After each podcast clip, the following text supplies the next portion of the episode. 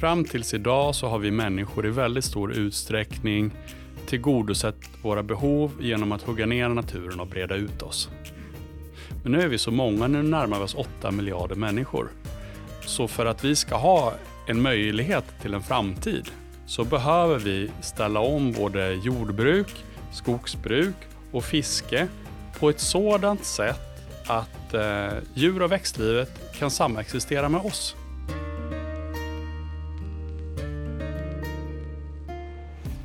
Jag heter Josefin Turesson Kämpe och i den här podden får du följa med mig när jag letar rätt på visdomen som gömmer sig bland oss. Mitt mål är att gå till botten med de där djupare frågorna som vi alla innerst inne bär på. Vad är meningen med livet? Vad är roten till våra samhällsproblem? Hur aktiverar vi vår fulla potential? Och hur blir vi lyckliga? Det här är Visdomsjakten och jag hoppas att den här podden ska ge dig inspiration till att leva ett medvetet liv, växa som person och hitta din grej. Vi gör den här resan tillsammans för en visare värld.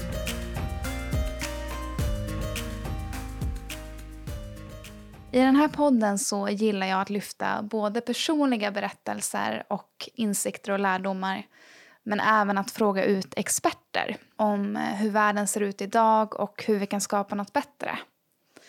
Och eh, idag så har jag valt att ta upp ett sånt ämne som många går och funderar på och som jag har velat prata med någon om länge och reda ut lite saker. Och det är hur illa det egentligen är med klimatförändringarna och hur vi kan göra för att bromsa dem och om det överhuvudtaget finns tid fortfarande att bromsa klimatförändringarna eller ställa allt till rätta. Så för att reda ut det här så har jag bjudit in Mikael Karlsson som är skogsexpert, föreläsare och författare till Konsten att hugga träd och ha skogen kvar. Och den boken handlar om hur vi kan ställa om till ett annat typ av skogsbruk där skogen och allt liv där får fortsätta att leva och man gör inga sådana här kalhyggen eller något sånt utan man jobbar med naturen samtidigt som man fortfarande kan ta tillvara på skogens råvaror och ha ett lönsamt skogsbruk. Och den här typen av skogsbruk kallas för ekosystembaserat skogsbruk och är även känt som Lübeck-modellen eftersom staden Lübeck i Tyskland var väldigt tidiga med att tillämpa den här typen av skogsbruk i sin skogsindustri. Och varför ska vi prata om skogsbruk när det handlar om klimatet, kanske några av er tänker. Samtidigt som vi blir allt fler som blir medvetna om konsekvenserna som skogsbruket har för klimatet och att det påverkar väldigt mycket klimatförändringarna. Samtidigt som det har, skulle ha en väldigt stor effekt om vi ställde om skogsbruket för klimatet. Och enligt Mikael så har det också en central roll för att vi ska kunna nå Parisavtalet och I dagens avsnitt så hjälps vi åt att definiera vad klimatförändringarna egentligen innebär och eh, vad det har för effekter på jorden och livet här och hur det märks i naturen. Vi pratar också om hur klimatförändringarna hänger ihop då med dagens skogsbruk och hur eh, ett annat sätt att jobba med skogen skulle kunna se ut. Vi pratar också om massutrotningen, den sjätte massutrotningen som vi faktiskt befinner oss i och varför ekosystemen är så viktiga. Vi pratar också om eh, varför vi envisas med att fortsätta skada naturen eftersom det också innebär att vi skadar oss själva och eh, för kommande generationer att leva här. Och det känns som att de flesta borde förstå det nu. Och då undrar jag liksom varför vi fortsätter ändå med det här beteendet. Och på slutet så går vi också in på vad gemene man kan göra för att eh, hjälpa till att bidra till en förändring när det gäller hur vi behandlar klimatet. Och vi pratar bland annat lite om köttindustrin och eh, ja, hur vi kan göra mer hållbara val i vår vardag. Så det finns mycket kunskap och visdom att hämta i det här avsnittet och väldigt tacksam att jag fick prata med Mikael och jag hoppas att du lyssnar med ett öppet sinne och även uppmuntrar jag alltid att efterforska det som sägs och att eh, läsa på vidare om man är intresserad.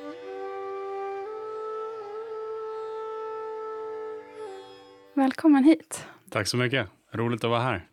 Jag tänkte att du skulle få börja med att berätta vad du gör för någonting. För du har ett ganska spännande jobb, eller hur? Ja, vad är det du gör? jag älskar skogen. Och det har lett mig till eh, de olika jobben som jag har idag. Både författare, föreläsare, eh, rådgivare åt skogsägare som vill eh, bedriva ett ekosystembaserat skogsbruk. Så det jobbet jag har är ju, är ju ett verktyg för att nå det målet som jag har. Att bidra till att ställa om eh, till ett hållbart skogsbruk. Okej. Och vad gör du rent konkret om dagarna? Jag skriver, eh, träffar skogsägare, håller föreläsningar. Eh, Ja, ungefär så. Mm. Vi ska prata lite mer om varför du valde att ta den riktningen och intressera dig så mycket för skogen. Men först skulle jag bara vilja, för jag gillar att definiera saker så, här, så att man har det väldigt tydligt, saker och ting. Och då en skog, det vet ju de flesta vad det är. Liksom man tänker, ja, man har sina bilder av vad en skog är. Men hur skulle du definiera en skog? För mig är en skog ett eh, levande ekosystem där du har eh, där träden utgör en del, men även blommor, fåglar, växter, mycel och svampar i marken, bäcken tillhör skogen. Och där finns träd i olika storlekar, i olika åldrar. Väldigt grova träd, det finns död ved. Och en skog varierar i, i takt med landskapet. När det är tjock jord så ser skogen ut på ett visst sätt och när det är mager jord ser den ut på ett annat sätt. Så det är variation, mångfald eh, och stora träd. Mm. Det är skog för mig. Ja. Och vad är inte en skog då? då? det är väldigt Eh, en parkeringsplats. Ja, Okej, det var en dum Nej, det, det var ingen dum fråga. Eh, jag förstår vad du menar. Mm. Ehm, Så mycket av det som kallas skog idag, det är för mig eh, plantager eller trädplanteringar. Det är när du har i huvudsak ett träslag i i en ålder och en storlek som du sköter om för att kunna skörda vid ett och samma tillfälle. Alltså där man odlar träd på ungefär samma sätt som man odlar morötter. För att istället för att det tar en sommar så tar det 60 år. Eh, Det för mig är inte en skog. Därför där, där ryms inte eh, djur och växtlivet. Utan det är, ja, det är trädodling. Mm. Och det är något annat. Okej. Så då försvinner liksom mycket växter och djur då automatiskt? Ja, alltså både växt och djurlivet och det som kallas den biologiska mångfalden. Det har utvecklats genom årmiljoner i, i det som har varit en för platsen naturlig natur förstås. Mm. Och en naturlig skog är som jag beskrev, den varierar. Det är olika träd i olika storlekar, död ved och gamla träd. Där, där varje liten organism, varje växt och djur har hittat sin lilla nisch att leva i. Mm. Ehm, när man då tar bort den mångfalden, då hugger du bokstavligt talat bort förutsättningarna för en stor del av, av växt och djurlivet som finns i en skog. Mm. Eh, så på ett kalhygge, det är liksom tomt på skog. Ja, ja. Och när du sen då bara planterar ett träd istället för kanske tio träd, som det kan stå i södra Sverige eller till och med mer, Mm. då saknas de fysiska förutsättningarna för det växt och djurliv som fanns där innan. Så eh, ja, då blir det mindre. Mm. Varför älskar du skogen? Och, Um, jag tror det bästa, bästa svaret eh, det får man genom att gå ut klockan fyra fem på morgonen i maj, strax efter att solen har gått upp, eh, när fåglarna sätter fart.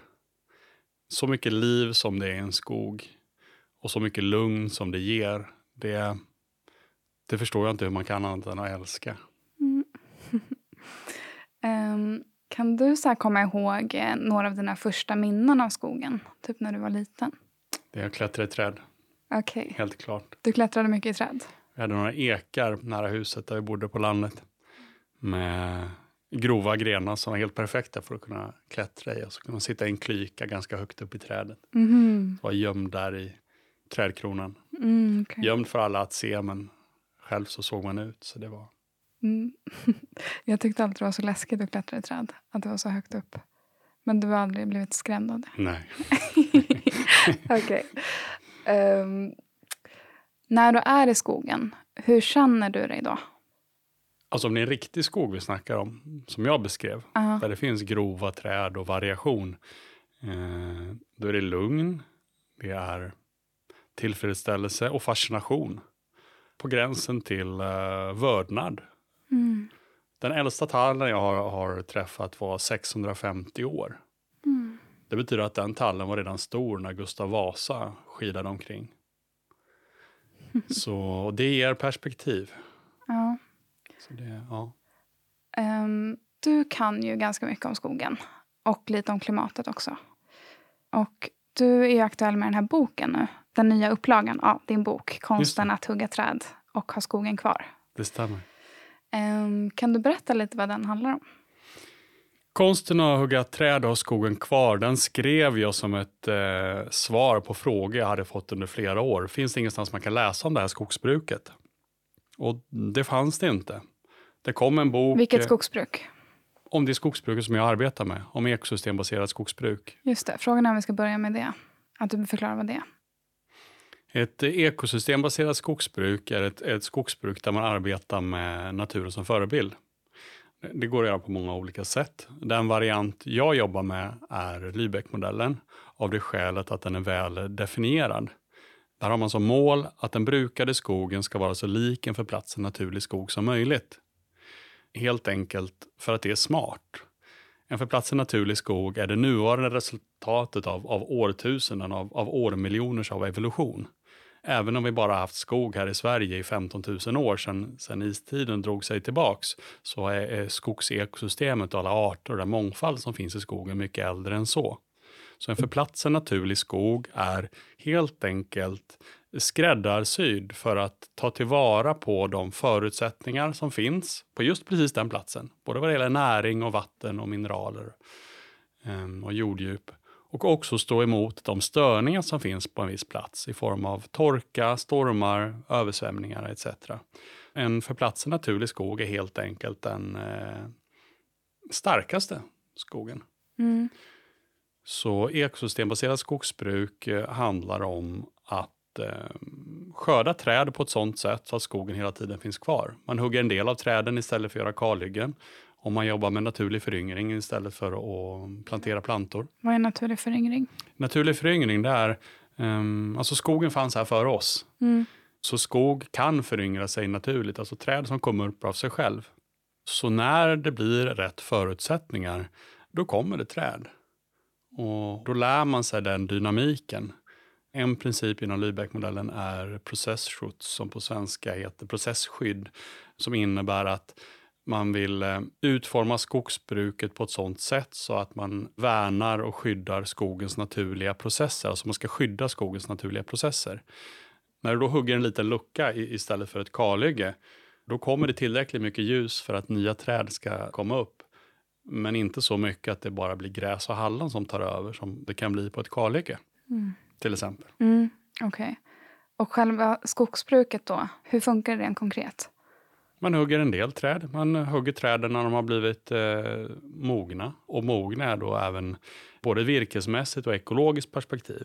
Så ur ett ekologiskt perspektiv så vill man att träden ska få bli så stora som möjligt. Därför att stora träd har en väldigt viktig roll att spela i, i ekosystemet skog. Mm. Men ur ett produktionsperspektiv så vill man förstås inte att träden ska bli så stora så att det blir röta i dem. Mm. För då går de inte att mm. använda till brädor. Mm. Så man vill att träden ska bli väldigt stora och gamla Fast inte så stora och gamla så att de blir ruttna inuti. Så då mm. får man, genom att studera då det lokala ekosystemet så kan man då komma fram till hur, hur stora kan en ek bli till exempel innan sannolikheten är stor att det har blivit röta i den. Mm. Okej, okay, men skillnaden då från vanligt skogsbruk till ekosystembaserat skogsbruk, hur skulle du kortfattat förklara det? Alltså om vi med vanligt skogsbruk menar den svenska modellen, alltså där vi då gör kalhyggen, sen markbreder, planterar, röjer och gallrar, där vi odlar träd för att sen hugga ner igen efter 60 till 80 år, mm. eh, så finns det inga likheter. Mm. För den svenska modellen av idag, det är en form av trädodling, där vi odlar och sköter om träd för att sen skörda. Så det är precis som vi odlar havre, eller potatis eller morötter, så odlar man träd, fast mm. det tar längre tid.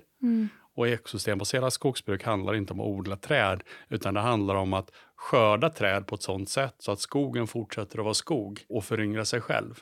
Ja, alltså inte skapa kalhyggen då, utan låta platsen liksom leva som den alltid har gjort då, att träd kommer upp igen och att man då studerar väldigt noga vilka träd. Eh, ja. och mycket, mycket mindre andel än annars, eller? Ja, på ett kalhygge så tar man ju alla träd, Ja, eller nästan ja, alla träd. Ja. Och, och, och, och med det här skogsbruket då så kanske du hugger eh, var tionde träd till exempel. okej. Anledningen till att jag ville prata lite om det här idag, jag är liksom ingen expert på skogsbruk och sånt, men jag älskar också skogen och det oroar mig med klimatförändringarna och det oroar mig när saker fortsätter ske åt ett negativt håll. Och då när jag hörde om det här, liksom att du var så engagerad i att göra en förändring, så tänkte jag att jag ville fråga dig dels så här, klimatförändringarna, hur illa är det egentligen? Väldigt. Det är väldigt illa. På vilket sätt då? Alltså, om man ser på jorden som ett ekosystem, vilket det är, så är, om jorden skulle vara stort som ett äpple, då hade biosfären, alltså den luften vi andas och alla skogar och allting, det, är tunnare än vad äppleskalet är. Så, så det är liksom bara en liten, liten, liten, liten tunn hinna runt jorden där förutsättningarna är sådana så att vi kan leva. Där det finns luft att andas och det finns växter och mat och temperaturen är lagom. Och det som gör att, att eh, klimatet är lagom för oss är växthuseffekten. Så, så växthuseffekten är bra, den är en förutsättning för livet på jorden. Ehm, och det som reglerar växthuseffekten är bland annat hur mycket koldioxid som finns i atmosfären. Så även om 75 procent av växthuseffekten beror på vattenånga och ungefär 20-25 procent av växthuseffekten beror på mängden koldioxid i atmosfären så räknas koldioxid som den reglerande växthusgasen. Därför att när det finns mer koldioxid så blir det lite varmare vilket gör att mer vatten dunstar från haven och från skogarna och landen så, så blir det mer vatten. Så halten koldioxid i atmosfären är ett sånt här nyckeltal för hur klimatet på jorden är. Okej. Och kol som koldioxid består av, alltså koldioxid är kol och eh, två syraatomer. Mm. Kol är universums fjärde vanligaste grundämne. Mm. Eh, och kol kan inte förstöras utan det kan bara förändras och byta plats. Okej. Så då pratar man om carbon pools, eh, alltså kolpooler på, på jorden, var kolet finns någonstans. Och i, i skogarna och i marken så finns ungefär tre gånger så mycket kol som det finns i atmosfären. Och i haven finns ungefär 50 gånger så mycket kol som det finns i atmosfären. Mm. Och i marken, i berggrunden, i fossil energi och även i bergarter så finns ungefär 100 gånger så mycket Oj. kol Okej. som det finns i atmosfären. Så det vi har gjort då de senaste par hundra åren, sedan industrialiseringen satte fart, det är att vi har pumpat upp väldigt mycket gammalt kol i form av olja och gas. Och vi har också brutit mycket gammalt kol i form av stenkol. Och när vi då eldar det, alltså då flyttar vi rent fysiskt kolet från marken till atmosfären. Mm. Och så ökar koldioxidhalten i atmosfären och det förstärker växthuseffekten och så påverkas klimatet. Ja. Och när växthuseffekten förstärks, då Mm. blir det varmare då? Ja. Är det något annat som händer? Ehm, man kan säga att halten koldioxid den är högre nu än den har varit på eh, är det 800 000 år. Ja, jag tror det. Okej. Den är högre nu än den har varit på 800 000 år. Ja. Så vi tänjer på gränsen, eller rättare sagt, vi går utanför gränserna som har funnits under den perioden som vi människor har, har utvecklats. Mm. Men eh, vet man att det är... Alltså, är det naturligt att det ökar lite grann, men att vi har bara så här skjutit upp till höjden? Alltså jorden är 4,6 miljarder år och, och halten koldioxid i atmosfären har varierat. Mm. Eh, vi hade en period för ett antal hundra miljoner år sedan där vi hade då Snowball Earth, när hela, hela jorden var täckt av is. Mm. Då hade vi väldigt lite växthuseffekt. Mm. Så, så det funkade ju om man var pingvin, men som människa så skulle det varit svårt då. Ja. Sen har vi haft andra perioder också, men det, det som har varit speciellt med den senaste perioden, de senaste antal hundratusen åren, är att vi har haft en ganska eh, stabilt klimat där koldioxidhalten har legat inom ett visst spann. Mm. Det har blivit lite mer, det har varit lite mindre. Vi har haft istider som har kommit och gått, men hela jorden har inte blivit täckt med is och det har inte heller blivit jättehett. Så det har legat inom ett visst spann. Ja. Och det är det spannet som vi nu har gått utanför. Mm. Och vad får det för effekter? Det vet vi inte än. Eh, men det som har hänt hittills är att eh, framförallt att haven har blivit försurade. Mm. Eh, för över hälften av all koldioxid som släpps ut, alltså så fort vi eldar någonting som innehåller kol, antingen det är bensin, olja, gas, träkol, stenkol eller ett träd, Mm. så bildas koldioxid. Mm. Och hälften av den koldioxiden ungefär åker upp i atmosfären och, och bidrar till att förstärka växthuseffekten. Mm. Och hälften av koldioxiden fångas upp av haven, vilket gör att haven blir surare. Mm. Så vi närmar oss en punkt där haven har blivit så sura att korallreven dör. Ja. Så um, det är en väldigt kraftig effekt vi ser av den här förändringen Ja. eh, redan. Korallreven dör. Och vad får det för effekter då? Då förlorar vi de ekosystemen. Vi kan inte ens överblicka vad det får för långtidseffekter. Ah. Så, Vi vet för lite. Ja, Men rent spontant så känns det dåligt. ja, verkligen. För ett ekosystem, det här har man ju lärt sig i skolan, grundskolan. Men skulle du vilja ta det lite kort igen, hur ett ekosystem är uppbyggt och varför det behövs för att det ska funka allting? Så man kan ta det ganska enkelt. För, för 4,6 miljarder år sedan så var jorden en stenklump, vad man tror. Mm. Sen så för ungefär, om det nu är ett eller två miljarder år sedan, jag minns inte siffran, Nej. men då började vi få en, en atmosfär där det var syre som närmade sig någonting av idag. Vi människor har utvecklats i en viss miljö. Först kom bakterier och svampar och livet i havet, sen kom livet på land och så småningom kom vi människor.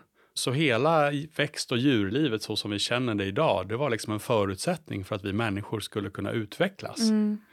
Och om vi nu tar bort dem, vad händer då? Frågetecken. Ja, precis. Som till exempel planktonen i haven producerar mer än hälften av allt syre som vi andas. Vad händer om planktonen försvinner? Oj, ja. Eh, skogarna producerar mycket syre. Vad händer när vi hugger ner skogarna? Enligt FN så har 1,8 miljarder hektar skog försvunnit de senaste 6 000 åren. Mm. Så, så för 6 000 år sedan var mer än halva jordens beboeliga yta täckt med urskog. Mm. Idag täcks mindre än 10 procent av urskog. Så vad som händer när ekosystemen kollapsar, alltså när de blir så påfrestade att de inte längre kan upprätthålla sina, sina livsfunktioner, det vet vi inte. Men magkänslan säger att det är dåligt. Ja, verkligen. Precis, så att allting utvecklades innan oss och därför så är det ju lite så här, ska vi hålla på att ändra grundförutsättningarna för vår egen existens typ? Känns det lite som. Ja, det, det är det vi gör. Ja, Som heter Paul Watson som grundade Sea Shepherd.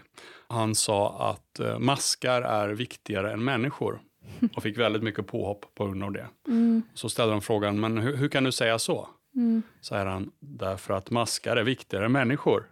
Maskarna kan klara sig utan människor, men människor kan inte klara sig utan maskar. mm, Skogen kan klara sig utan människan, men människan kan inte klara sig utan skogen. mm, Så fungerande ekosystem är en förutsättning för livet på jorden så som vi känner det. Och hur mycket vi kan förändra innan det på ren svenska skiter sig, det vet vi inte. nej, Någonstans går gränsen.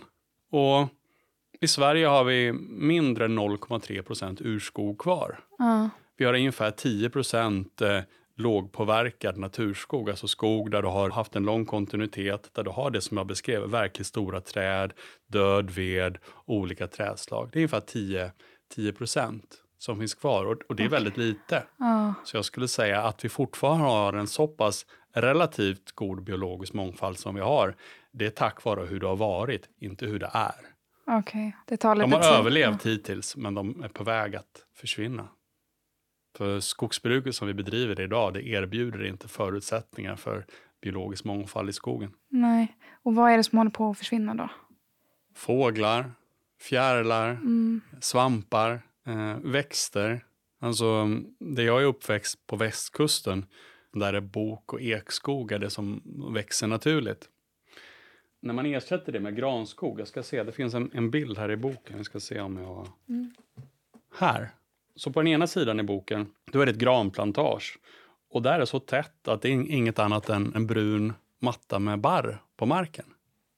Medan i, i bok och ekskogen som, som står vid sidan om, mm, ja, då kommer det tusentals nya bok och ekplanter och, och där finns ett rikt fågelliv och växtliv. mm, Så ju mer vi förändrar, desto mer påverkar vi förutsättningarna för växt och djurlivet. förstås. Mm.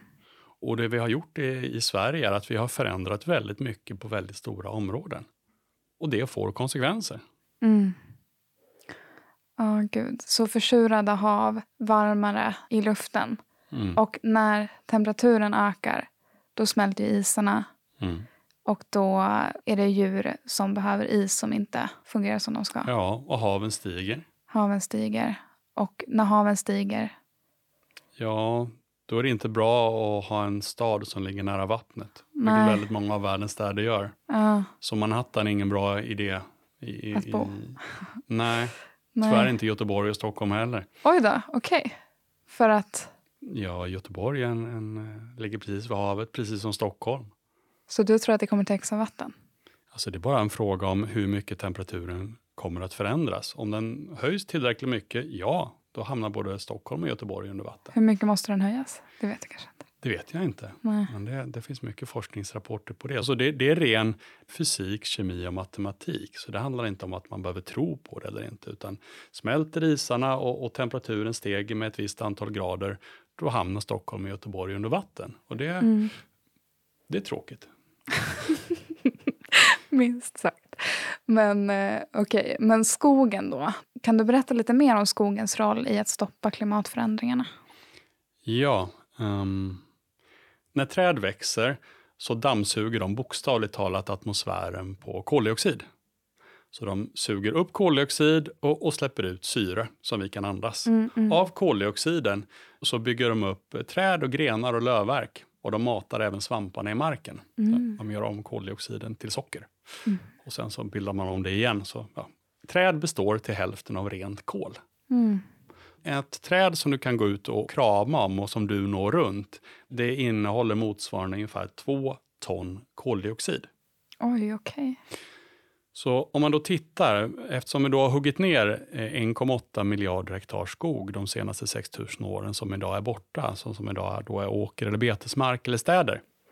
Och på de övriga 4 miljarder hektaren som finns kvar så har man huggt väldigt hårt på stora områden, till exempel i Sverige och på många andra håll. Så om vi skulle ställa om till ett ekosystembaserat skogsbruk på global nivå i kombination med att återplantera en del av den skog som vi har huggit ner, då har vi möjlighet att fånga in motsvarande över 20 miljarder ton koldioxidekvivalenter per år, Oj, okej. vilket motsvarar nästan hälften av alla mänskliga utsläpp. Oj, okej. Så om vi skulle ställa om skogsbruket på global nivå och samtidigt fasa ut eh, fossila källor som bensin, olja och kol, Mm. då har vi fortfarande möjlighet att nå Parisavtalets 1,5 graders mål. Fast det är verkligen på håret. Vi behöver göra det nu, 2021. Ja. Vi kan inte vänta till 2025, då, då är det för sent. Så genom att restaurera skogarna så lagar vi både in enorma mängder kol och ger förutsättning för djurlivet att brida ut sig igen på landskapsnivå. Mm. För förutom klimatkris så har vi också idag kris vad gäller biologisk mångfald. Ja. Vi befinner oss i det sjätte artutdöendet. Mm. Så arter dör idag ut upp till tusen gånger fortare än normalt. Helt enkelt därför att det finns för lite natur kvar. Ehm, Så att ställa om skogsbruket har möjlighet att adressera båda de här frågorna. Ja, precis. Artutdöendet, ja. När natur försvinner då? Det är vissa djur som behöver exakt de förutsättningarna liksom, på den platsen då. Ja. För att överleva, fortsätta överleva. Vad ser man de största förändringarna liksom, där flesta arter dör ut? Vet du det? Ju mer vi påverkar, desto mer försvinner det. Man kan säga att om du tänker dig en, en bild, att i ena änden på bilden så har du en, en maximalt påverkad förändrad natur. Vi säger ett öppet dagbrott, en kolgruva. Mm. Där har vi huggit bort skogen, vi har brutit upp marken och till och med eldat upp den. Vi har eldat upp kolet. Mm. Så där, liksom, där är tomt, där finns ingenstans att leva för naturen överhuvudtaget. Mm. Sen kommer oljefält och i städer, och i städer, ja men ja visst, det finns några fåglar och lite insekter i träden, men det är ganska minimalt jämfört med en orörd natur. Mm. Sen har vi då nästa grad på påverkan, men det är åker och betesmark. Och om du har ett intensivodlat jordbruk där du har monokultur, du harvar och plöjer och sår havre, alltså det är också ett väldigt förändrat naturtillstånd. Mm. Så det djurlivet som vi känner, det har utvecklats genom årmiljoner i det som är en för platsen naturlig natur. Mm. Mm. Och, och gör vi något väldigt annorlunda, ja men då, då överlever de inte. Eller bara några stycken av dem. Mm. Så vi har idag väldigt få områden med lågpåverkad natur kvar på jorden. Ja. Och nu är vi så många människor, vi närmar oss 8 miljarder. Ja. Och det finns 15 miljarder hektar landyta på jorden. Det betyder att om vi bara skulle dela upp all landyta på jorden per person så får vi mindre än två hektar var. Två hektar, det är fyra fotbollsplaner. Gud. Och det är inklusive öknar, berg, glaciärer, städer, Ah. skogar. Så, så eh, fyra fotbollsplaner eh, var av landyta. Oj. Odlingsbar mark på jorden, eller habitable land som FN kallar det, det är ungefär 10 miljarder. Så det betyder att vi har ungefär två fotbollsplaner eh, Mm. Men där ingår naturreservat, skogar, ängar, åkrar, städer. På de här två fotbollsplanerna per person så behöver det också finnas orörd natur. Det behöver finnas skog, det behöver finnas städer, Mm. eh, åker och betesmark. Mm. Så Varför behövs det orörd natur på de platserna? ja, men det är just för den biologiska mångfalden. Ja. Det är i, I den orörda natur, alltså orörd natur finns inte kvar på jorden någonstans, men lågpåverkad natur finns kvar. Ja. Och det behövs för att eh, djur och växtlivet ska, ska fortsätta att finnas. Mm. Precis. Jag började tänka så här, behöver vi alla djur som finns på den platsen? Men, Nej. Men men- kan du berätta vilka vi inte behöver? Nej. Ja, men det är det som är nyckelfrågan. Alltså, det, finns ingen, det finns ingen som kan säga vilka djur behöver vi och vilka behöver vi inte. Mm. Och vi känner inte ens till funktionen av alla djur fullt ut än. Eller svampsystemet under mark. Mm. Eh, Hur många svampar kan vi bli av med? Behöver vi alla? Nej. Klarar vi oss utan svamparna? Nej, definitivt inte. Var går gränsen? Nej, men det finns ingen som kan säga. Ja. Så av ren självbevarelsedrift så är det väldigt klokt att vara rädd om naturen och den biologiska mångfalden. Ja. För om man ser liksom jorden som, alltså vi är en, det är en stor stenklump som svävar omkring i rymden. Det enda som skyddar oss från rymdens kalla mörker och kyla, det är växthuseffekten. Mm. Om du har en planet utan växthuseffekt, som månen, då blir det över 100 grader varmt på dagen och mer än 100 grader kallt på natten. Så när solen lyser in så dundrar det fullt in, finns ingenting som bromsar. Över 100 grader, det är varmt. Mm. Eh, och sen när det blir natt, då finns det ingen växthuseffekt som håller kvar värmen. Mm. Så då blir det rymdens kyla som tar över direkt. Och 100 grader kallt, det är kallt. Mm. Så, så på månen skulle vi inte kunna bo om man då inte byggde en rymdstation etc. Men, men inte på samma sätt som på jorden. Mm. Och det som gör att jorden har precis den växthuseffekten vi har idag, att vi har färskvatten som vi har, att vi har eh, växter som vi kan äta, eh, fisk i haven, är tack vare det klimatet som är. Och, och det som har skapat den här balansen är just den sammansättningen av biologisk mångfald som finns idag. Hur mycket av den vi kan slakta utan att det havererar, det kan vi inte veta. Nej. Vi vet att någonstans går gränsen. Ja. Och det, det är mycket som talar för att vi börjar bli väldigt nära den gränsen. Mm. Och jorden har varit med om massutrotningar förut, det här är den sjätte. Ja. Och låt det gå 20 miljoner år så kommer det här att vara en fin planet igen, antagligen. Men det är lite långt för oss att vänta, vi klarar oss inte under tiden. Mm. Så vi behöver ta hand om naturen för våran skull. Och nu är jag, jag är 46, ehm, så jag tror nog jag kommer klara mig oavsett hur vi gör. Vi kan fortsätta skövla. Men mina barnbarn, de kommer inte att klara sig. Och Okej. jag, jag känner ett ansvar för kommande generationer. Mm. Så jag har en önskan att den dagen jag lämnar, då ska planeten vara i något bättre skick än när jag kom hit. Mm. I vart fall inte försämrad. Mm. Så Jag skulle precis fråga hur lång tid i tid vi pratar om. Typ som det kan alltså verkligen märkas att nu är det massa katastrofer och... och jag skulle säga att vi, vi redan, redan märker det.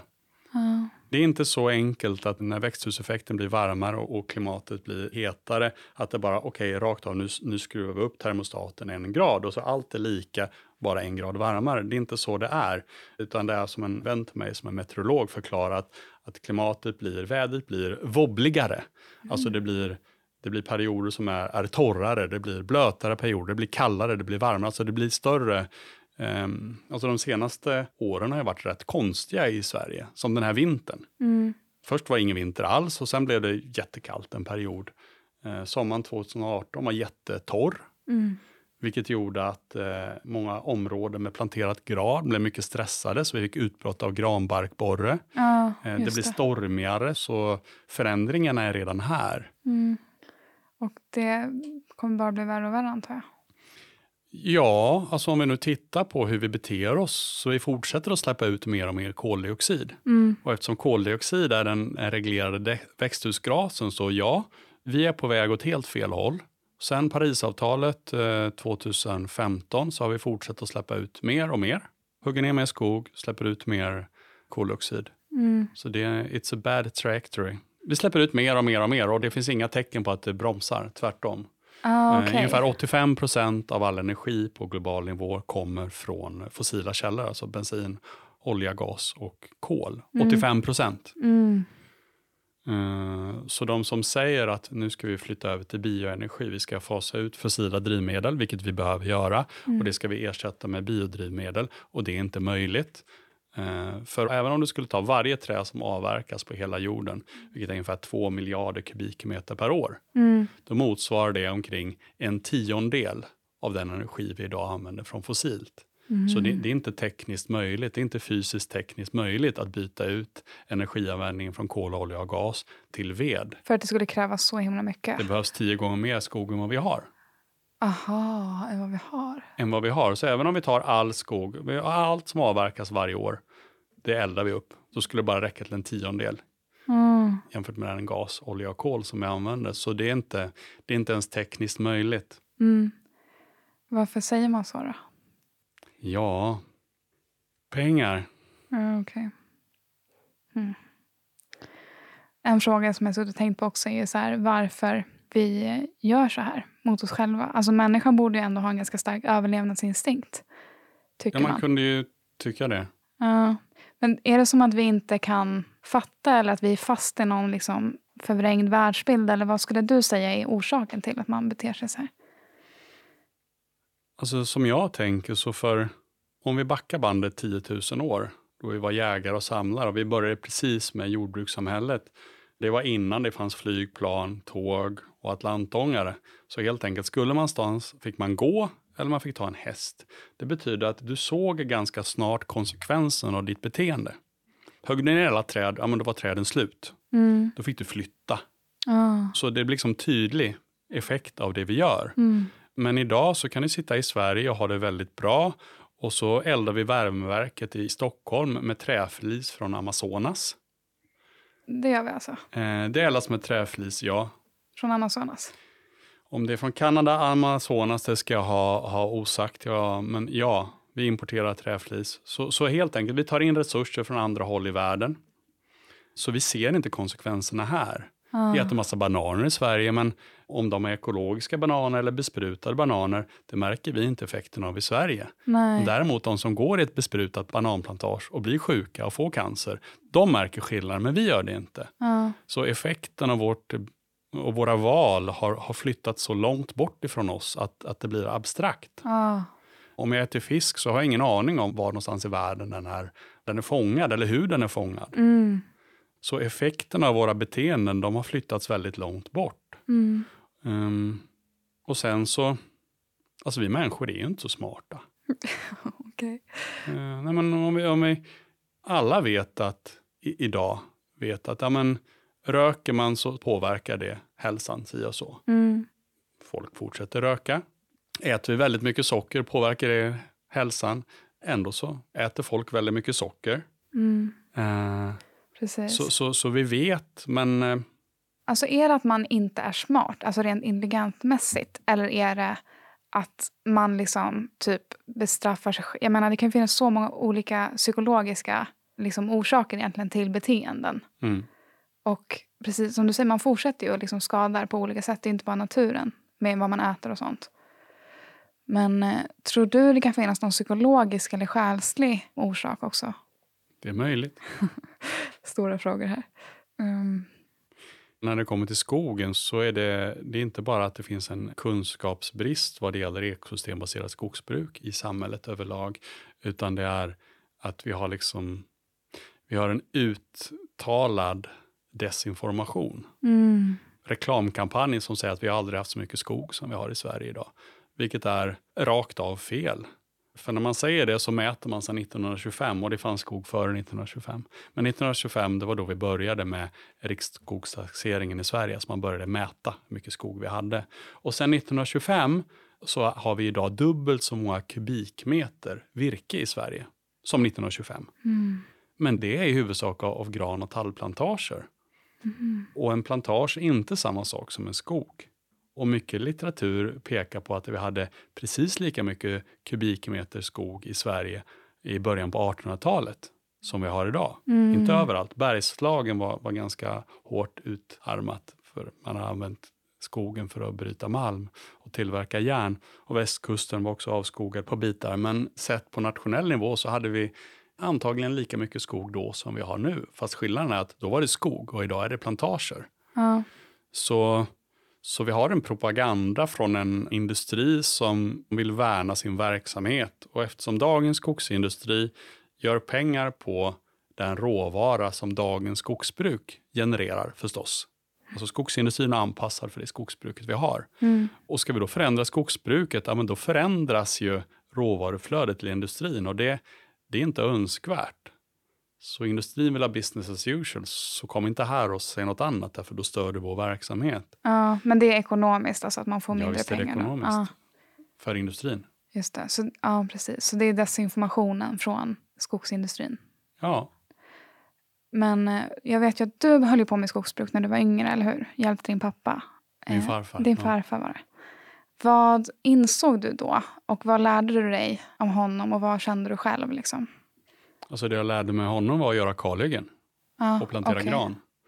Och det jag märkte då är att ja, men skogen den försvann ju när vi gjorde ett kalhygge förstås. Och sen när vi planterade gran då var det ju något annat som växte fram. Så då, då frågade han om skulle det inte vara möjligt att bedriva skogsbruk på ett annat sätt. Är vi tvungna att hugga ner naturen och ersätta den med plantager? Mm. Och så sa han det att kalhygge är det enda rationella och därmed lönsamma sättet att bedriva skogsbruk. Och det behöver du förstå. Mm. Sådär. Svarar man på det när man är 15 år? Ja. Jag svarade ingenting, men frågan levde kvar i mig. Liksom. ja. Och sen har du verkligen gått in för att ta reda på hur man kan Precis. fortsätta bedriva skogsbruket på Ja, alltså sätt. hur vi kan bedriva skogsbruk så att skogen och naturen finns kvar. Ja, och det är möjligt alltså. Det är möjligt. Och vad skulle krävas för att det skulle bli verklighet? Att folk slutar göra kalhyggen och anlägga plantager. Mm. Alltså naturen jobbar dygnet runt, året runt mot en för platsen naturlig natur. Mm. Det vet alla som har en grusgång och vill att det ska växa grus. Vill man att det ska fortsätta vara en grusgång så behöver man hacka bort det gräset som kommer. Gör man inte det så växer grusgången igen. Mm. Ehm, om man har en betesmark där djuren går och betar. Vill man att det ska fortsätta vara en öppen betesmark så måste det vara djur som betar. Annars växer betesmarken med tiden igen med sly. Men sly är inget annat än, än namnet på unga träd som kommer av sig själv. Eh, samma sak på ett kalhygge. Vi kalhugger 200 000 hektar varje år i Sverige. Sen planterar vi ungefär 150 000 hektar med, med gran och tall. Men vi röjer nästan det dubbla. Mhm. Och röja betyder att man går omkring med ett såg och sågar bort alla de träd som kommer upp naturligt. Mm. Så de här monokulturerna, odlade trädplantagerna, det är ett resultat av en aktiv åtgärd. Så steg ett är att sluta motarbeta naturen och lägga upp en ny design för skogsbruket där man har som mål att den brukade skogen ska vara så lik en för platsen naturlig skog som möjligt. Mm. Det går då till så att man, eh, man inventerar och ser hur ser det ut idag? Hur skulle det sett ut naturligt? Och sen lägger man upp en, en skötselplan. Okej, så här ska vi gallra, så här ska vi hugga så att vi ger naturen tillfälle att komma tillbaks. Mm. För det gör den av sig själv på de allra flesta markerna i vår del av världen. Mm. Att plantager då inte räknas som skog och har en mycket sämre effekt på biologiska mångfalden och sånt. Varför anlägger man plantage då? Bra fråga. Som jag tänker så, om man tittar bakåt i historien så på 1800-talet så blev vi väldigt stora på virkesexport när industrialismen tog fart i Europa. Och då var då sågverkstidens blomstringsperiod. Så man högg och högg och högg och sågverken växte fram och vi exporterade massa virke. Sen kom sågverksdöden omkring 1925. Helt enkelt därför att de stora träden hade tagit slut. Så 1925 då hade vi tömt Sverige på timmer. Därför sågverksdöden. Men vad då? Finns det inga jättegamla träd kvar alls? I, Eller- inte eller vad- 1925, då Nej, var nej. alla stora träd slut. För att man hade huggit ner dem? Ja, och sågat plankor av dem. Ah. Och för en tall att bli verkligt stor uppe i, i Norrland, det tar en 300-400 år. Ja. Så då hade man ett val. Antingen så får nu vänta ett par hundra år till skogen har växt till sig. Eller så får vi satsa på en ny industrigren, nämligen papper. Mm. 1870 så etablerades det första pappersbruket i Sverige som kunde tillverka papper med enbart trä som råvara. Vi hade tillverkat papper tidigare, men då var det av, av lump och, och blandmaterial. Men 1870 fick vi det första pappersbruket som kunde tillverka papper med bara trä som råvara. 1913 hade vi kommit upp i en årsproduktion på en miljon ton papper. 2013 så var vi uppe en, eh, hade vi tiodubblat det till ungefär 10-12 miljoner ton papper och pappersmassa. Mm. Så vi gick från, under 1800-talet så exploaterade vi skogen genom att hugga timmer, tills det tog slut. Under 1900-talet så omvandlade vi Sverige till ett eh, plantagelandskap. Mm. Och nu tillverkar vi papper och pappersmassa till ett värde av ungefär 100 miljarder kronor per år. Okej. Och vi har blivit väldigt eh, duktiga på att odla träd i Sverige. Mm. Men det slår tillbaks. Stormen Gudrun blåste ner 75 miljoner kubikmeter på en natt. Ja, just det. Och det är ett resultat av att vi hade omvandlat från skog till plantager. För granplantager är mycket känsligare för stormar än, än naturliga blandskogar. Ah, okej. Det var ju en annan storm. Alfrida var ju ganska nyligen. Mm, Den blåste väl också ner en del skog. mm. Vad gör man med de träden egentligen? Gå till industrin. Ah, okej. Men när de väl är liksom nere på marken, då, Mm. då har de väl ingen effekt längre på... På.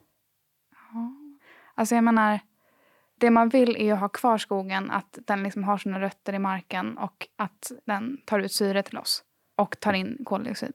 Eh, Mm. och då om ett träd ligger på marken, Mm. har den fortfarande en sån effekt då? Alltså när trädet är dött så slutar det ju att ta Ja, upp syre. men dör alla träd som faller till marken? Nej, inte alla. Men, men de flesta träd, om det är granar, de dör. Okej. Men bara för att ett träd är dött så ja, då slutar det ju att ta upp koldioxid, men det binder ju fortfarande kol. Mm, okej.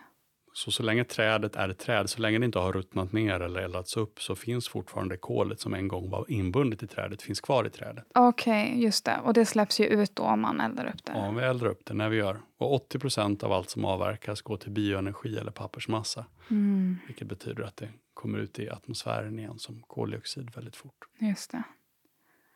Hmm, okej. Det måste ju vara ganska dåligt om... Eller ja, det är ju bra för skogsindustrin då. Att de får enklare att ta träd. När det blir stormar och sånt, tänker jag. Så när, när det blir omfattande storm, går virkespriserna ner. Så det blir ju rea på skogen då. Ja.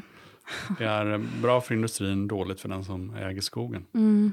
För jag tänker om man tänker framtidsmässigt, om det blir mer och mer katastrofer. Alltså tänk om skogen försvinner så istället. Det kan man inte göra något åt. Eller det är ju om man inte har så mycket plantager då. För att det är mycket känsligare. Ja. Jag försöker förstå här samtidigt allting. Eh, precis. Men finns det något positivt med att ha plantage? Billig råvara till industrin? Okej, inget positivt för miljön. Eller, Nej. men det kan vara lite fint för människan om man vill gå ut i skogen typ. Alltså smaken är som baken delad. Det finns säkert de som tycker om plantager. Men det finns ingen fördel varken ekologiskt eller för klimatet eller för Nej, okej. vatten i ekosystemet. För att jag menar, Eller finns ju, svamparna. För det finns ju hur mycket som helst så här, ja, men bidra till att vi planterar ett träd och sånt. Mm. Alltså som man har gått på eller vad man ska säga. Ja. Men okej, det är bra att veta. ja. Men alltså att plantera träd kan vara helt okej. Förutsatt att trädet man planterar är ett trädslag som är naturligt på den växtplatsen. Mm. Så, så att plantera träd kan vara helt okej. Men att anlägga plantager är när vi bara tar ett trädslag och så planterar vi bara det. Ah, okej, okej. Så det är, liksom det, det är monokulturen som är problemet. Att det bara finns en sort i en storlek och en ålder som man hugger ner vid ett och samma tillfälle. Så det är liksom trädodlingsprocessen som är problemet. Mm, okej. Ja. Så det är bristen på variation. Och sen det där med att som klimatkompensation idag, som det talas mycket om. Alltså på ett sätt så fungerar det och på annat sätt så är det en ren, jag ska inte säga lögn, men någonting åt det hållet. Därför att det går tillbaka till det jag pratade om tidigare med, med kolpooler. Mm. Som jag nämnde så är det ungefär tre gånger så mycket kol i de landbaserade ekosystemen som det finns i atmosfären. Mm. Men det finns 50 gånger så mycket kol i haven och 100 gånger så mycket kol i marken. Och om vi gräver upp kol från marken, vilket vi gör när vi eldar med kol, olja och gas, så kan vi inte kompensera det genom att plantera ett träd. För det tillhör liksom en annan kolpool. Mhm. Men en annan kolpool, en annan sort då? Eller en annan... Inte en annan sort. Alltså, man kan säga, det får bara plats en viss mängd kol i atmosfären. Det får bara plats en viss mängd kol i skogarna. Vi kan liksom inte tiodubbla mängden kol i skogen därför Ah. att träd blir inte 300 meter höga. Utan de blir 30 meter höga i Sverige, ungefär. Ja. Så det finns liksom en gräns hur mycket kol som, som det kan finnas i de landbaserade ekosystemen. Mm. Och det finns en viss mängd hur mycket kol det kan finnas i haven innan de blir för sura. Mm. Eh, men däremot finns ingen gräns hur mycket kol det kan finnas i marken. Därför där kan finnas hur mycket kol som helst. Det är liksom ingen, där finns ingen gräns. Mm. Däremot tar det tid för kolet att komma tillbaka till marken. Det, det är en process som tar ja, 100 miljoner år Oj. Men komma tillbaka från... från luften. Alltså allt Okej. cirkulerar. Så, så till exempel när vi eldar upp bensin, då blir det koldioxid som åker upp i, i luften. En del av det koldioxiden kommer att lösas upp i vattnet och försura haven. Sen genom kemiska processer så kommer den här koldioxiden att binda sig i kemiska föreningar som sjunker ner som sediment till botten. Så det blir eh, kalksten så småningom. Mm. Och sen har vi då kontinentalplattornas förskjutning. Alltså för 400 miljoner år sedan, då, då låg Sverige på ekvatorn.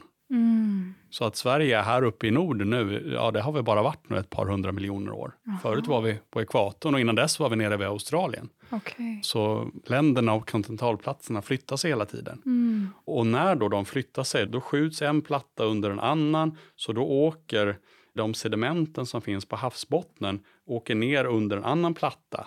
Och då blir det kalksten i prästar, så blir det marmor.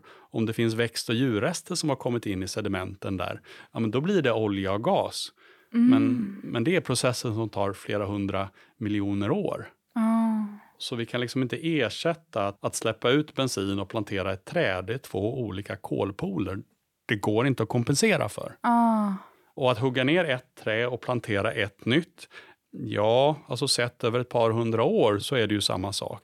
Men hugger vi ner ett stort trä idag så tar det ett par hundra år innan det är stort igen. Om det till exempel är en tall i Norrland. Mm. Eh, och en ek i, i Skåne för att bli verkligt stor, om det är 100, 200 år, 300 år. Mm. Så det här med klimatkompensation, det är, det är ett stort ja kring den. Mm. Om vi använder den klokt så kan vi använda det som en mekanism för att få till en omställning av skogsbruket, för att få till en omställning av jordbruket. Men det måste ske samtidigt med att vi fasar ut fossila källor. Annars skjuter vi bara problemet några decennier framför oss. Mm. Och då har vi ingen lösning. Mm. Ja, gud. Väldigt intressant. Ehm, du sa svamparna, att de är så himla viktiga. Varför är svamparna viktiga? Därför de är en del av ekosystemet. Svamparna till exempel i skogen lever i symbios med träden, i samverkan med träden. Svamparna får eh, näring från träden, socker. Mm. Och svamparna ger träden, de hjälper till att bryta ner mineraler på ett sätt som inte träden kan. Så de, de ger näring till träden. De hjälper till med, med vatten och de hjälper till med kommunikation mellan träden. Så Aha. så svamparna i marken, de pratar nu om att det kan stå för så mycket som 30 procent av tillväxten. Alltså att träden växer 30 procent bättre tack vare att de samarbetar med svampar. Så, så utan svampar så skulle vi inte ha ett ekosystem som vi känner det idag. Mm. Så svamparna är en förutsättning för livet på jorden så som vi känner det. Ja. Men kommunikationen mellan träden, kan du berätta mer om Träd det? kommunicerar, de talar med varandra. Aha. Eh, Vad säger de till varandra? De säger varning till exempel. Mm. Så om ett träd blir eh, angripet av eh, granbarkborrar, Mm. då skickar de ut eh, ämnen, doftämnen i luften som varnar andra träd. Och gör, men träden kan väl inte göra något åt det, eller? Nej, men det finns insekter som tycker om att äta granbarkborre. Mm. Som får reda på, åh, här finns mycket granbarkborrar. Så träden Aha. pratar inte bara med varandra, de pratar även med andra delar av ekosystemet. Aha, vad coolt. Och att de pratar med varandra, alltså att de kommunicerar. Ett, ett träd som har det ont på vatten och näring kan få det av ett annat träd. Mhm. Så i skogen så kan man hitta exempel på träd som har huggits ner så det är bara en stubbe kvar. Men stubben har fortsatt att växa i 20 år. Tack vare att den får näring av de andra träden. Så träd är så mycket mer än bara det vi ser ovan mark. Mm. Det är också samarbete under mark och i det så spelar svamparna en central roll. Och vad är svamparnas roll där i kommunikationen just? Ja, de är en del av den. Är de typ som en telefonlinje? Ja, kanske vi kan kalla det. Vet man det här eller är det fortfarande ganska outforskat? Alltså, Det är ganska få utforskat och man vet det. Vi vet inte den fulla vidden av den, men ja, man vet att svamparna har en helt avgörande roll i kommunikationen för träden. Mm. Men eh, då det här med stubben som du berättade, då, då hjälper de också varandra om någon typ är lite i knipa eller vad man ska Mm. säga. Finns det något annat de kommunicerar eller är det bara varning och oj du behöver hjälp? Det vet du för lite om. Okej, det är ju lite spännande. Ja. Men är det bara träden som kommunicerar eller är det annat också i? Träden kommunicerar med annat i skogen men resten av naturen, typ mossa och gräs och sånt, kommunicerar det också med varandra? Det är en bra fråga. Vad är att kommunicera? Ja, precis. Jag tänker att det är när, fast på ett sätt om träden är ihopbundna med rötterna, då kanske de typ är som en. Eller så här, är de olika träden eller är det ett, ett enda stort? Jag tänker det är ungefär lite som jag och du. Vi är två individer fast vi har ett språk så vi kan tala, vi kan samarbeta, vi kan samverka. Mm.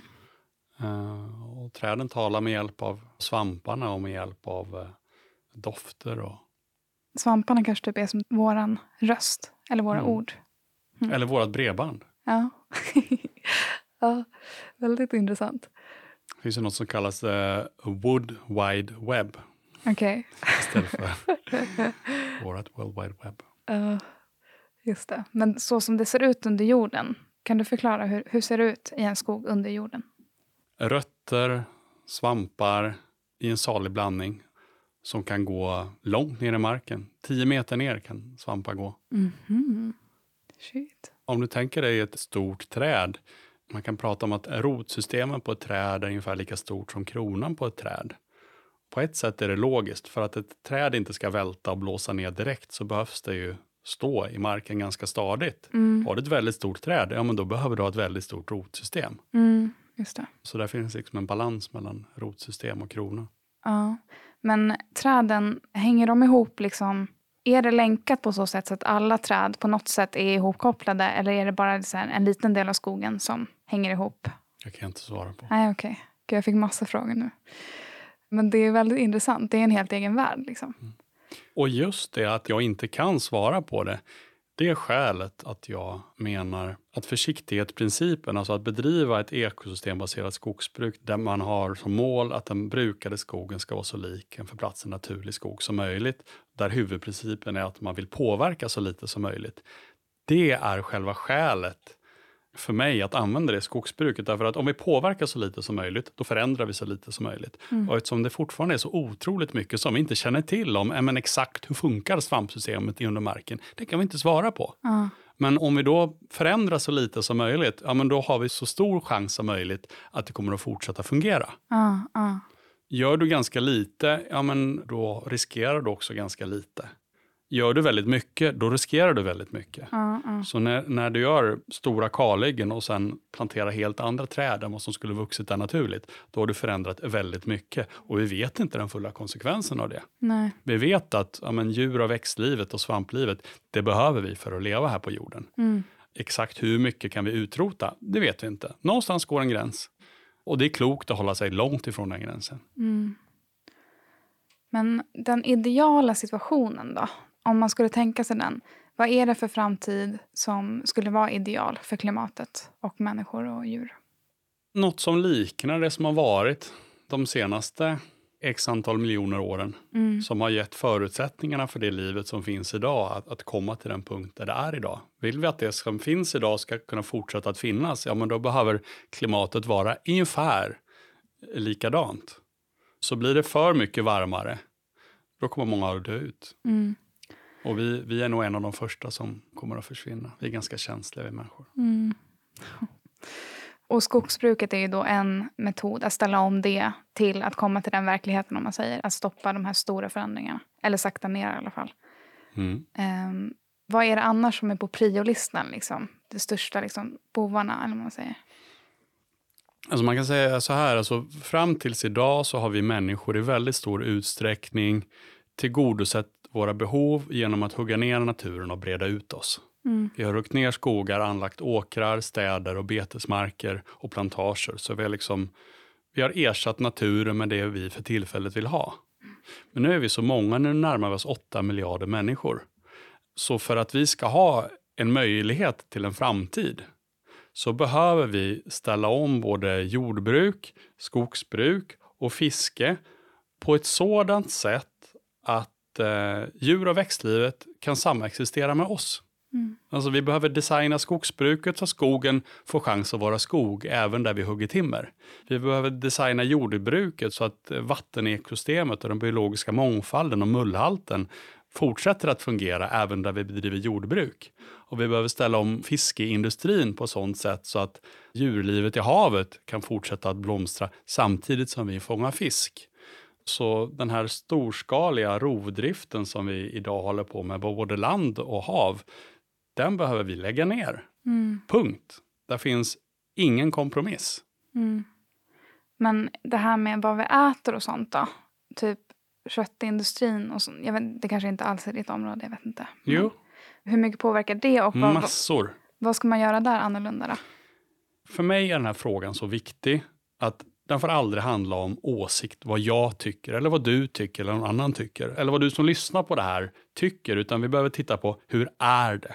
Så om vi går till data, så tittar vi på, okej, okay, på jorden finns 15 miljoner hektar landyta. Punkt. Det, är det som finns. Av det så anses 10 miljarder hektar vara habitable land, alltså odlingsbar mark. Så det är det vi har att spela med. Det är inget föremål för man kan tycka si eller så, utan vi har 10 miljarder hektar. Mm. Av dem idag så är över hälften åker och betesmark. Så alltså över 5 miljarder hektar har vi idag omvandlat till åker och betesmark. Mm. Av de 5 miljarder hektaren så används nästan 4 miljarder hektar för köttproduktion. Mhm. Antingen som betesmark eller som foder för djuren. Mhm. Shit. Så nästan fyra femtedelar av all åker och betesmark används för att producera kött. Det är bara 1,1 miljarder hektar som är områden som används för ja, men växtbaserad föda. Spannmål, ris, majs, grönsaker, frukt och så vidare. Mm. Mm. Men trots att det bara är 1,1 miljarder hektar så står det för, nu ska vi se, det står för över 60 procent av alla proteiner vi får i oss och det står för över 80 procent av alla kolhydrater vi får i oss. Alltså det växtbaserade Det växtbaserade. odlingen. Så den växtbaserade odlingen, som bara sker på bara lite mer än en femtedel av all åker och betesmark, Ja. står för över 80 procent av alla kolhydrater och över 60 procent av alla proteiner. Mm. Så om vi skulle halvera eh, köttkonsumtionen på global nivå så skulle vi både kunna återplantera en miljard hektar skog och vi skulle nästan kunna fördubbla mängden producerad mat. Huh. Så eh, jag äter själv kött, men jag gör det ganska lite och jag vill helst ha något som är lokalproducerat som äter gräs. Eh, djurindustrin är, den är grotesk, den är fruktansvärd. Ja. Alltså, ta till exempel, idag så äter grisar mer fisk än vad världens hajar gör. Vänta här nu. Uh, Okej, de matar grisarna med fisk. Ja, så 40 procent av all fiskfångst som sker i världen går till djurfoder. Men gud. Så kycklingar får fiskmjöl. Grisar får fiskmjöl. Fiskmjöl. Ja. Så de har gjort om den till mjöl. Ja, så först fångar vi fisken, sen torkar vi och mal den och så blir det fiskmjöl och så matar man det till kycklingar. Så, så, så äter du gris så äter du fisk. Jaha. Gör man så överallt eller vad? Inte överallt, men, Nej. men På många på ställen? många håll. Även i Sverige. I Sverige också? Ja. Ja. Ja. Men vad är det som är negativt med det då? Det är att vi inte får lika mycket fisk själva. Det negativa är den storskaliga påverkan som det leder till. Mm. Som jag nämnde, för 6 000 år sedan så var över hälften av jordens odlingsbara mark täckt av urskog. Mm. Idag är det mindre än 10 procent. Mm. Så vi, liksom har, vi har påverkat för mycket på för stora områden.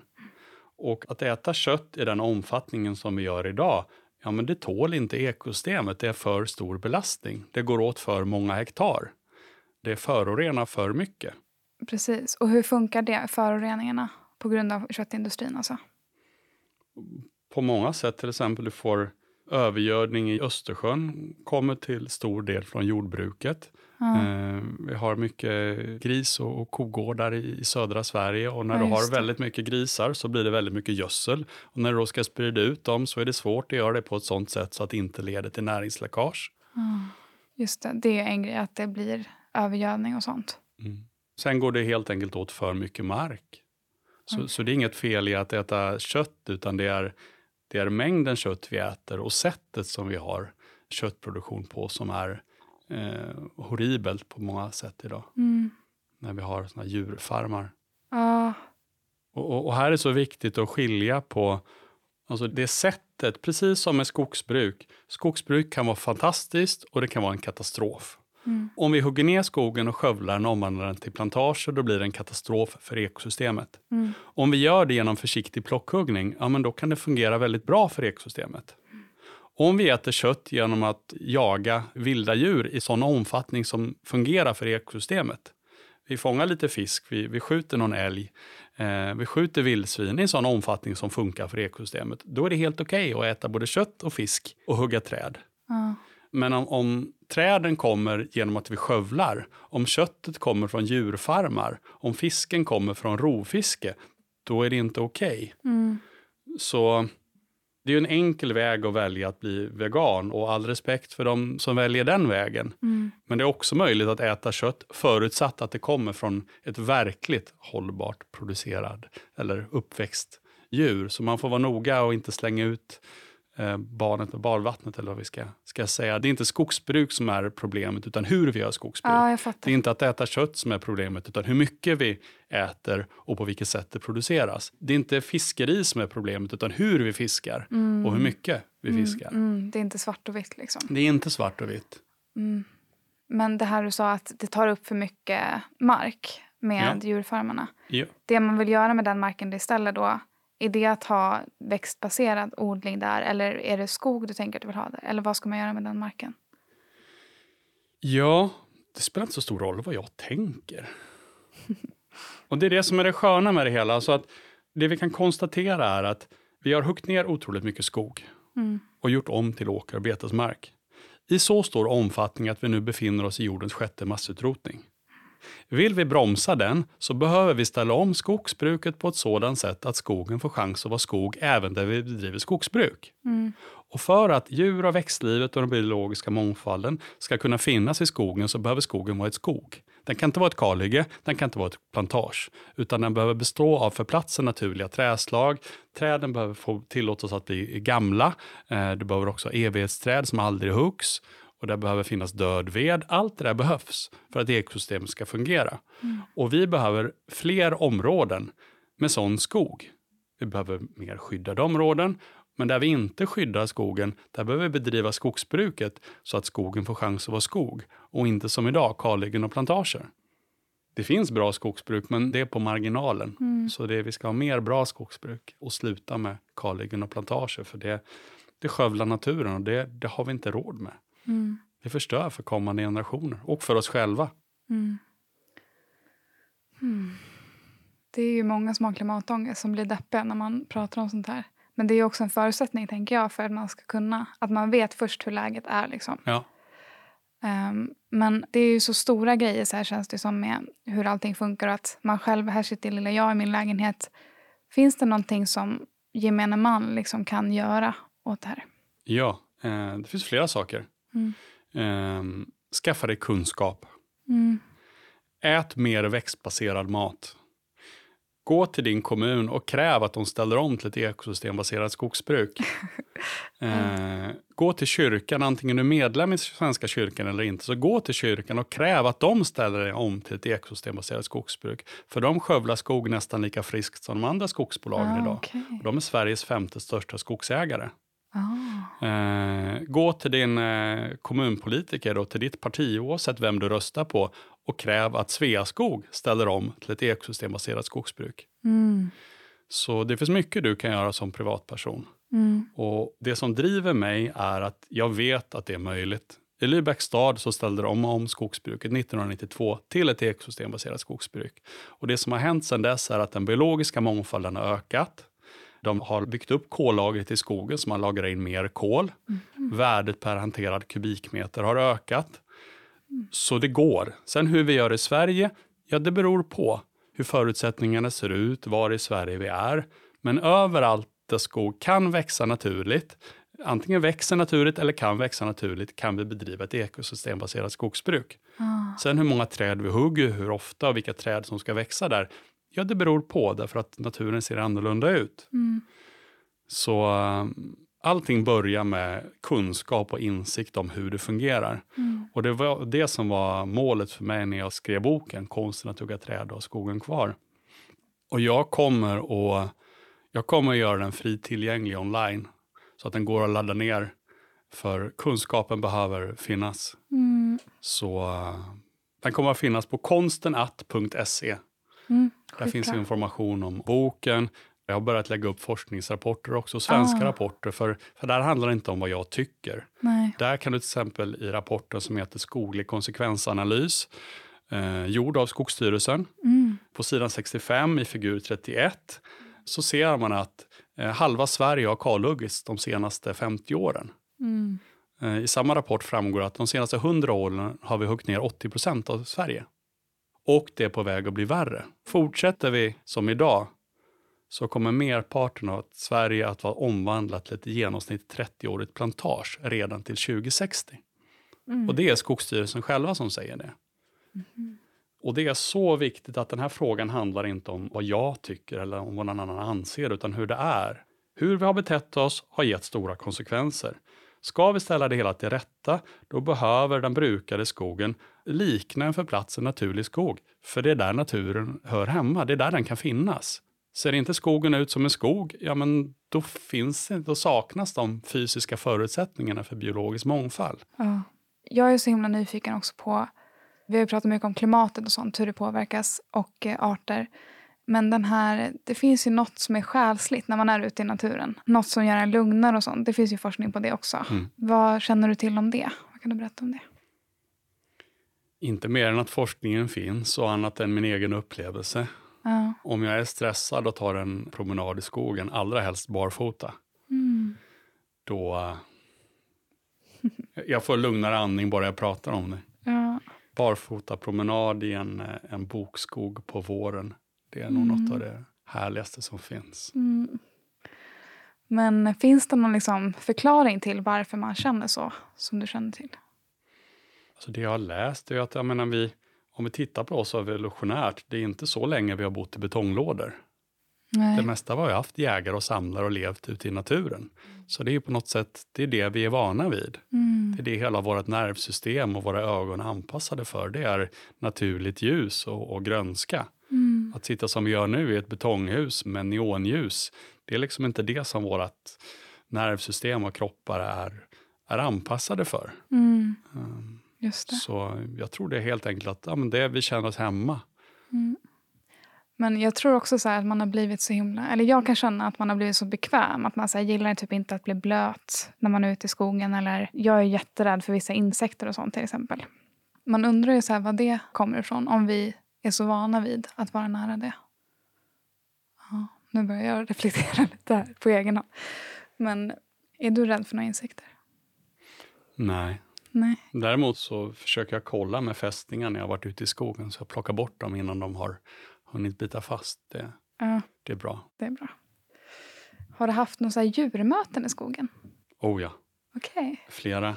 Ehm, jag var ute och gick i, i skogen och, och, och så så hade jag liksom märkt att emellanåt så flaxade det iväg en duva som satt och sov i en tät gran. Och så tänkte jag så här, ah, men det är ju tusen att jag aldrig får syn på duvorna innan de får syn på mig. Mm.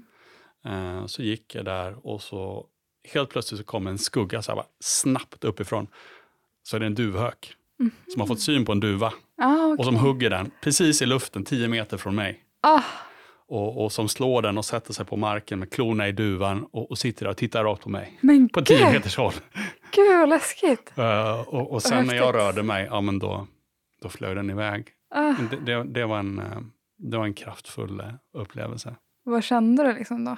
Djup eh, fascination. Ja, häftigt. Har du sett varg någon gång? Nej, Nej. jag hoppas att få se det. Ja. Vad finns det mer för djur? det finns många djur. Jag ja, såg en spillkråka en gång som var så Oj, otroligt vacker. En spillkråka det är en, en svart hackspett med rött på huvudet. Den ser ut som en röd keps mm. och den, den kan hugga i färskt trä. Så, så om ni hittar ett träd i skogen där det ser ut som någon har hällt ut en ask med tändstickor nedanför träd, då är det spillkråkan som har varit där och byggt ett bo. Mhm. Så de kan hugga rakt in i en färsk trästam och göra hål. Mm. Eh, men så var jag ute och gick i skogen en gång och, och så stod där ett dött träd.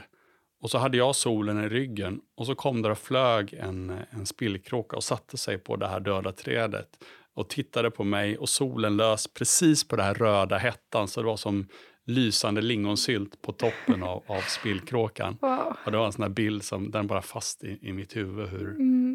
Gud Ja. vad fint. en annan gång jag satt vid en, vid en bäck och så kom en eh, citronärla och satte sig. Vad är det då? Eh, det är som sädesälar, de här svartvita Ja. mm, fåglarna som sitter och vippar på eh, svansen. Mm. Eller stjärten heter det väl. Ursäkta alla fågelälskare. Jag älskar fåglar. Eh, men så kom en, citronärla och de är så vackra. De är cit- citrongula på bröstet och så har de lite längre stjärt. Eller svans. och, och så satt den där också i, solljuset och otroligt vackert. Mm. Otroligt vackert. Mm. Så bara man stannar upp och ger sig tillfälle så, så kommer de där mötena i naturen. Mm. Sånt där gör ju också att man känner sig så levande, tänker jag. Att man är här och Mm. att det blir sån närvaro. Liksom, Mm. att, mm. Okej, eh, jag kan ju prata med dig väldigt länge känner jag. Men ehm, de som har lyssnat på det här, vad ska de ta med sig? Vad är det viktigaste? Att naturen kan läka. Det finns Den har varit med om eh, katastrofer förr. För 15 000 år sedan var det is. I delar av Sverige nu är det skog. Så naturen kan komma tillbaka. Det vi behöver göra är att ta ett steg tillbaka, börja iaktta och ta ut en ny design för skogsbruket, för jordbruket, för fisket. En design som gör det möjligt för naturen att samexistera med oss, eller tvärtom, oss samexistera med naturen. Att vi skördar virke på ett sådant sätt att skogen får chans att vara skog. Att vi fiskar så att, att havet och, och ekosystemen i havet har chans att fortsätta överleva. Och så vidare. Så eh, vi kan, det är möjligt. Och det finns tillräckligt med kunskap redan idag för att börja med det här. Sen exakt hur mycket vi ska gallra, exakt vad det är för måldiameter på träden, ja det, det får vi forska på. Mm. Men vi vet att det är inte kalhygge och plantage som är lösningen, utan det är ett ekosystembaserat skogsbruk. Och, och för mig så är det så, så viktigt att, som jag har nämnt flera gånger, att det här ska inte handla om vad jag säger, utan om hur, hur det är. Så det är därför jag lägger så mycket jobb på att tillgängliggöra kunskap. Mm. Jag har grundat stiftelsen Ecoforestry Foundation. Där kan man gå in och hitta lite information. Idag har vi bestämt att eh, börja en skogsgrupp för de som vill engagera sig för det här. Mm. Där man kan anmäla sig och vara med. Eh, Okej. Kostar ingenting. Kommer att hitta information på hemsidan där. Mm. För boken så finns hemsidan Konsten att. Där den kommer finnas att ladda ner och där man får skänka vad man vill eller ingenting. För pengar ska inte stå i vägen för att ha möjlighet att få kunskap kring det här. För den här frågan är för viktig. Mm. Och tillsammans så formar vi framtiden. Vi är snart 8 miljarder människor och det är hur vi gör sammanlagt som ger resultatet. Och, och hur du gör, gör skillnad. Hur jag gör, gör skillnad. Så Mm. mer plantbaserad mat, ett snällare skogsbruk, snällare fiske och ett snällare jordbruk så har vi, så har vi möjlighet till en, till en fin framtid även för våra barn och barnbarn. Mm. Tusen, tusen tack för att du delar med dig så mycket idag. Tack. Superintressant verkligen. Jag kommer ta med mig mycket. För det här har varit en så här fråga som man vet lite grann, men man vet inte. Folk säger så olika saker. Alltså som du säger också med kampanjer och, och sånt. Man är ju helt förvirrad. Så att, eh, ja, håller verkligen med dig om det här med kunskap och att inte förväxla det med åsikter och sånt. Okej, okay. då tackar jag för den här intervjun. Tack ska du ha. Du har lyssnat på Visdomsjakten med mig Josefin. Mer information om Mikael hittar du på konstenatt.se och ecoforestryfoundation.se. Där finns också information om hans bok och var du kan köpa den och så. Och I nästa avsnitt så träffar jag komikern och humorfilosofen Jessica Karlén och pratar om hur humor och skratt kan bidra till att skapa en bättre värld och eh, få en förändring i samhället. Och vi pratar också om eh, att jobba med sig själv som person, att utvecklas och hur hon har gjort det. Och även vad som händer i vår hjärna när vi skrattar och varför folk har olika humor. Så det blir väldigt spännande och kul. Och det avsnittet ska släppas i början av maj. Tanken. Tack för att du har lyssnat.